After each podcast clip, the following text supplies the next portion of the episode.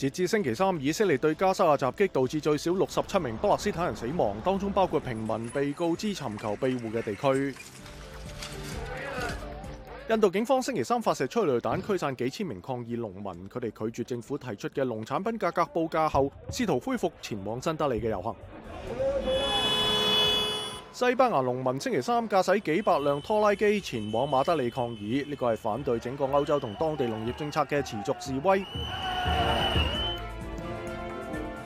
刚果民主共和国总统办公室话，总理卢孔德星期二辞职并解散政府，当局并冇宣布辞职嘅原因。